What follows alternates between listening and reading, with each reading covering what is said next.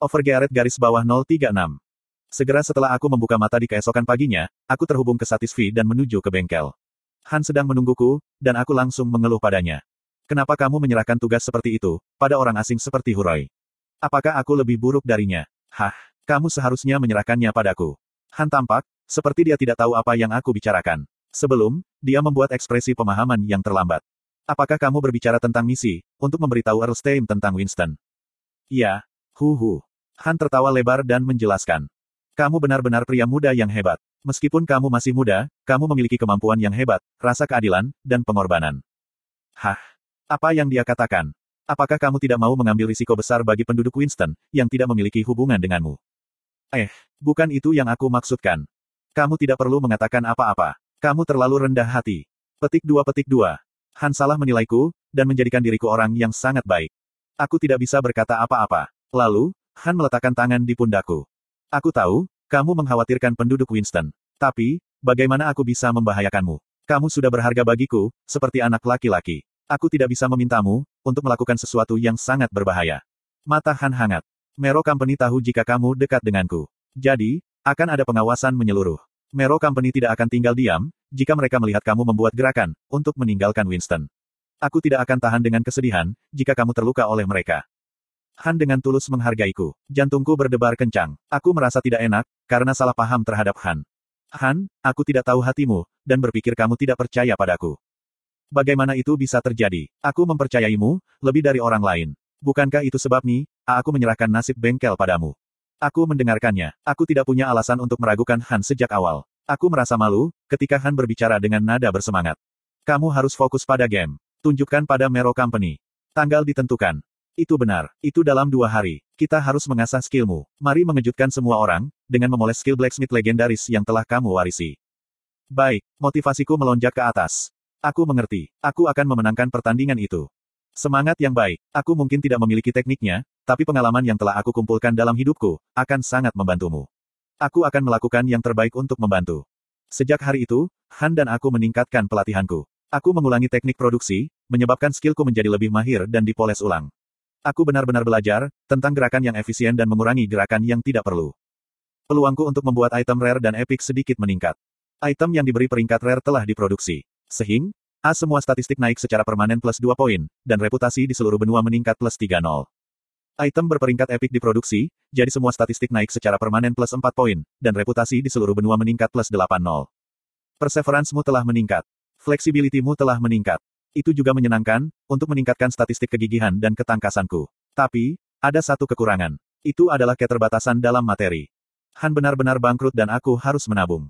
Jadi, Aku tidak bisa mendapatkan bahan produksi premium. Aku hanya menggunakan bahan-bahan yang ditumpuk di gudang Han. Tapi, sebagian besar bahannya, berkualitas rendah. Han tidak bisa mendapatkan bahan-bahan yang baik. Karena, dia dihambat oleh Mero Company. Karenanya, aku tidak bisa menghasilkan barang berkualitas tinggi. Semakin tinggi level dan kinerja item yang diproduksi, semakin cepat XP skill produksiku akan meningkat. Item dengan batas level rendah dan kinerja rendah. Bahkan, jika mereka memiliki peringkat rare. Berarti, Tingkat perolehan XP ku lambat, dan nilainya sedikit. Barang rare harus dijual ke toko. Tapi, aku bisa menjual barang dengan peringkat epic kepada player. Pedang besi yang dapat digunakan. Peringkat, epic. Daya tahan, 19 per 19. Attack power, 35 sampai 40. Attack speed, plus 2%. Pedang yang dibuat oleh pengrajin dengan skill dan potensi besar, tapi kurang pengalaman dan reputasi. Mudah digunakan, karena memiliki keseimbangan panjang dan berat yang sempurna. Pengguna dapat menyerang sedikit lebih cepat. Fakta jika pedang jenis ini dibuat dengan sedikit bahan, sangat menakjubkan. Pembatasan pengguna. Level 12 atau lebih tinggi. Strength lebih dari 30. Beginner Swordsman Mastery. Armor kulit tikus, tanpa diduga nyaman. Peringkat, Epic. Daya tahan, 24 per 24. Defense, 22. Move, Speed, plus 3%. Armor yang terbuat dari kulit tikus, oleh pengrajin dengan skill dan potensi besar. Tapi, tidak memiliki pengalaman dan reputasi. Ini dirancang dan dibuat, agar pemakainya akan merasa nyaman, ketika bergerak. Pemakainya dapat bergerak sedikit lebih cepat. Fakta jika jenis baju zira ini dibuat dengan bahan yang sedikit, sangat menakjubkan. Pembatasan pengguna. Level 13 atau lebih tinggi. Beginner Letter Armor Mastery. Nama-nama itu kasar, tapi, player level 12 atau 13 akan merasa lebih mudah berburu, jika mereka mengenakan armor dan senjata ini. Itu adalah barang yang bisa dimiliki oleh player level rendah, jika mereka memiliki cukup gold. Blacksmith's Legendary Workmanship LV1, 12,7%. Blacksmith's Legendary Bread LV1, 8,9%. Ketika aku membuat Java Arrow sebelumnya, XP ku meningkat sebesar 3,7% dan 2%. Segera. Tentu saja, aku kecewa, karena XP skill produksiku perlahan-lahan meningkat. Tapi, aku tidak terlalu peduli. Bagaimanapun juga, XP skill dan pengalaman produksiku tetap meningkat. Jadi, aku puas. Aku tidak salah. Blacksmith's Legendary Workmanship masih level 1. Tapi, Aku sekarang dapat membuat lebih banyak item, daripada yang aku bisa sebelumnya. Kecepatan produksi dan tingkat kerapianku meningkat. Jika level skill blacksmith's legendary craftsmanship dan flexibility-ku meningkat, kemampuan produksiku akan menjadi lebih baik. Tapi secara realistis, tidak mungkin untuk meningkatkan level blacksmith's legendary workmanship dalam waktu dekat. Saat ini, hal terbaik yang bisa aku lakukan adalah meningkatkan status flexibility-ku. Semakin tinggi fleksibilitiku, semakin tinggi kelengkapan item tersebut. Aku memutuskan untuk menginvestasikan poin statku ke dalam flexibility untuk kemenangan yang lebih solid. Status window. Nama. Grid. Kelas. Pakmas Descendants. Level. 21, 5350 per 16700. Teal. Who become a legend? Health. 936 per 936. Mana. 177 per 177. Strength. 104. Stamina. 52. Agility. 96. Intelligence. 59. Flexibility. 99.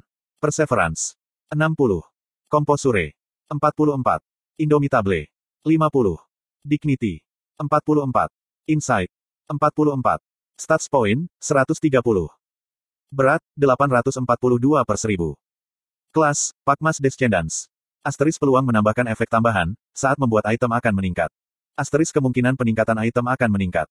Asteris semua item peralatan bisa dipakai tanpa syarat. Namun, denda tergantung pada peringkat item. TL, who become a legend. Asteris kondisi abnormal tidak bekerja dengan baik padamu. Asteris kamu tidak akan mati, ketika HP minimum. Asteris mudah diakui. Berkat produksi item rare dan epic yang bagus, statistikku telah meningkat secara dramatis. Aku memiliki poin stat 130. Aku merenungkan, bagaimana cara menginvestasikan poin stat itu. Jika aku menginvestasikan semua poin statku dalam flexibility, akankah skill produksiku meningkat secara signifikan? Jelas, akan ada efek yang sangat besar. Tapi, jika aku terlalu berkonsentrasi pada hanya satu stat, aku akan menyesal nanti. Aku harus berpikir dengan hati-hati. Aku memasukkan banyak poin ke dalam strength dan agility di hari yang lalu. Jadi, aku tidak perlu menaikkannya lagi. Aku saat ini kekurangan stamina, jadi bukankah lebih baik menaikkannya? Ketika berhadapan dengan musuh yang kuat seperti para gangster, lebih baik memiliki stamina dan defense yang tinggi. Petik 1. Aku memutuskan untuk mulai mendistribusikan poin statku. Anda telah menginvestasikan 60 poin dalam stamina. Apakah ini benar? Ya. Setelah poin diinvestasikan, itu tidak dapat direset. Apakah Anda ingin melanjutkan? Ya. Anda telah menginvestasikan 70 poin dalam ketangkasan. Apakah ini benar? Ya. Setelah poin diinvestasikan, itu tidak dapat direset. Apakah Anda ingin melanjutkan? Berhenti bertanya padaku dan lakukan saja. Status window. Nama. Grid. Kelas. Pakmas Descendants. Level. 21, 5350 per 16700. Teal. Who become a legend? Health. 1536 per 1536. Mana. 177 per 177. Strength. 104. Stamina. 112. Agility. 96. Intelligence. 59. Flexibility. 169. Perseverance. 60. Composure. 44. Indomitable. 50. Dignity. 44. Insight. 44. Stats point, 0. Berat, 842 per 1000. Kelas, Pakmas Descendants. Asteris peluang menambahkan efek tambahan, saat membuat item akan meningkat. Asteris kemungkinan peningkatan item akan meningkat. Asteris semua item peralatan bisa dipakai tanpa syarat. Namun, denda tergantung pada peringkat item. TL, who become a legend. Asteris kondisi abnormal tidak bekerja dengan baik padamu. Asteris kamu tidak akan mati, ketika HP minimum. Asteris mudah diakui. Kukukuk. Aku bergetar dengan sukacita. Siapa pun akan terkejut, jika mereka bisa melihat status windowku. Bagaimana mungkin, karakter level 21 memiliki statistik seperti itu? Jika aku hanya menghitung jumlah semua statistikku, aku sudah melampaui level 75 strength, stamina, agility, dan intelligence. Jika aku hanya menghitung statistik dasar ini, itu mendekati level 40. Sekarang aku melihatnya, bukankah kelas produksi hebat untuk statistik? Manfaat meningkatkan semua statistik, setiap kali item kelas yang lebih tinggi dibuat, adalah umum untuk semua kelas yang terkait dengan produksi, bukan hanya blacksmith. Mereka yang mengambil keuntungan dari ini, dapat mengatasi kerugian dari pekerjaan berbasis produksi. Skill tempur mereka yang tidak memadai, bisa ditambah dengan statistik tinggi. Tentu saja, sejumlah besar usaha dibutuhkan. Aku menerima, jika bekerja adalah hidupku. Tubuhku dimaksudkan untuk itu. Aku akan menunjukkan kepadamu kekuatan tenaga kerja. Aku menelan roti dan menenggelamkan diri dalam produksi barang lagi. Aku tidak kehilangan konsentrasi, sampai hari kompetisi. Ketika karakterku tumbuh, aku merasakan pertumbuhan mental yang sama. Item yang diberi peringkat rare diproduksi. Sehingga, semua statistik naik secara permanen plus 2 poin, dan reputasi di seluruh benua naik plus 3 nol.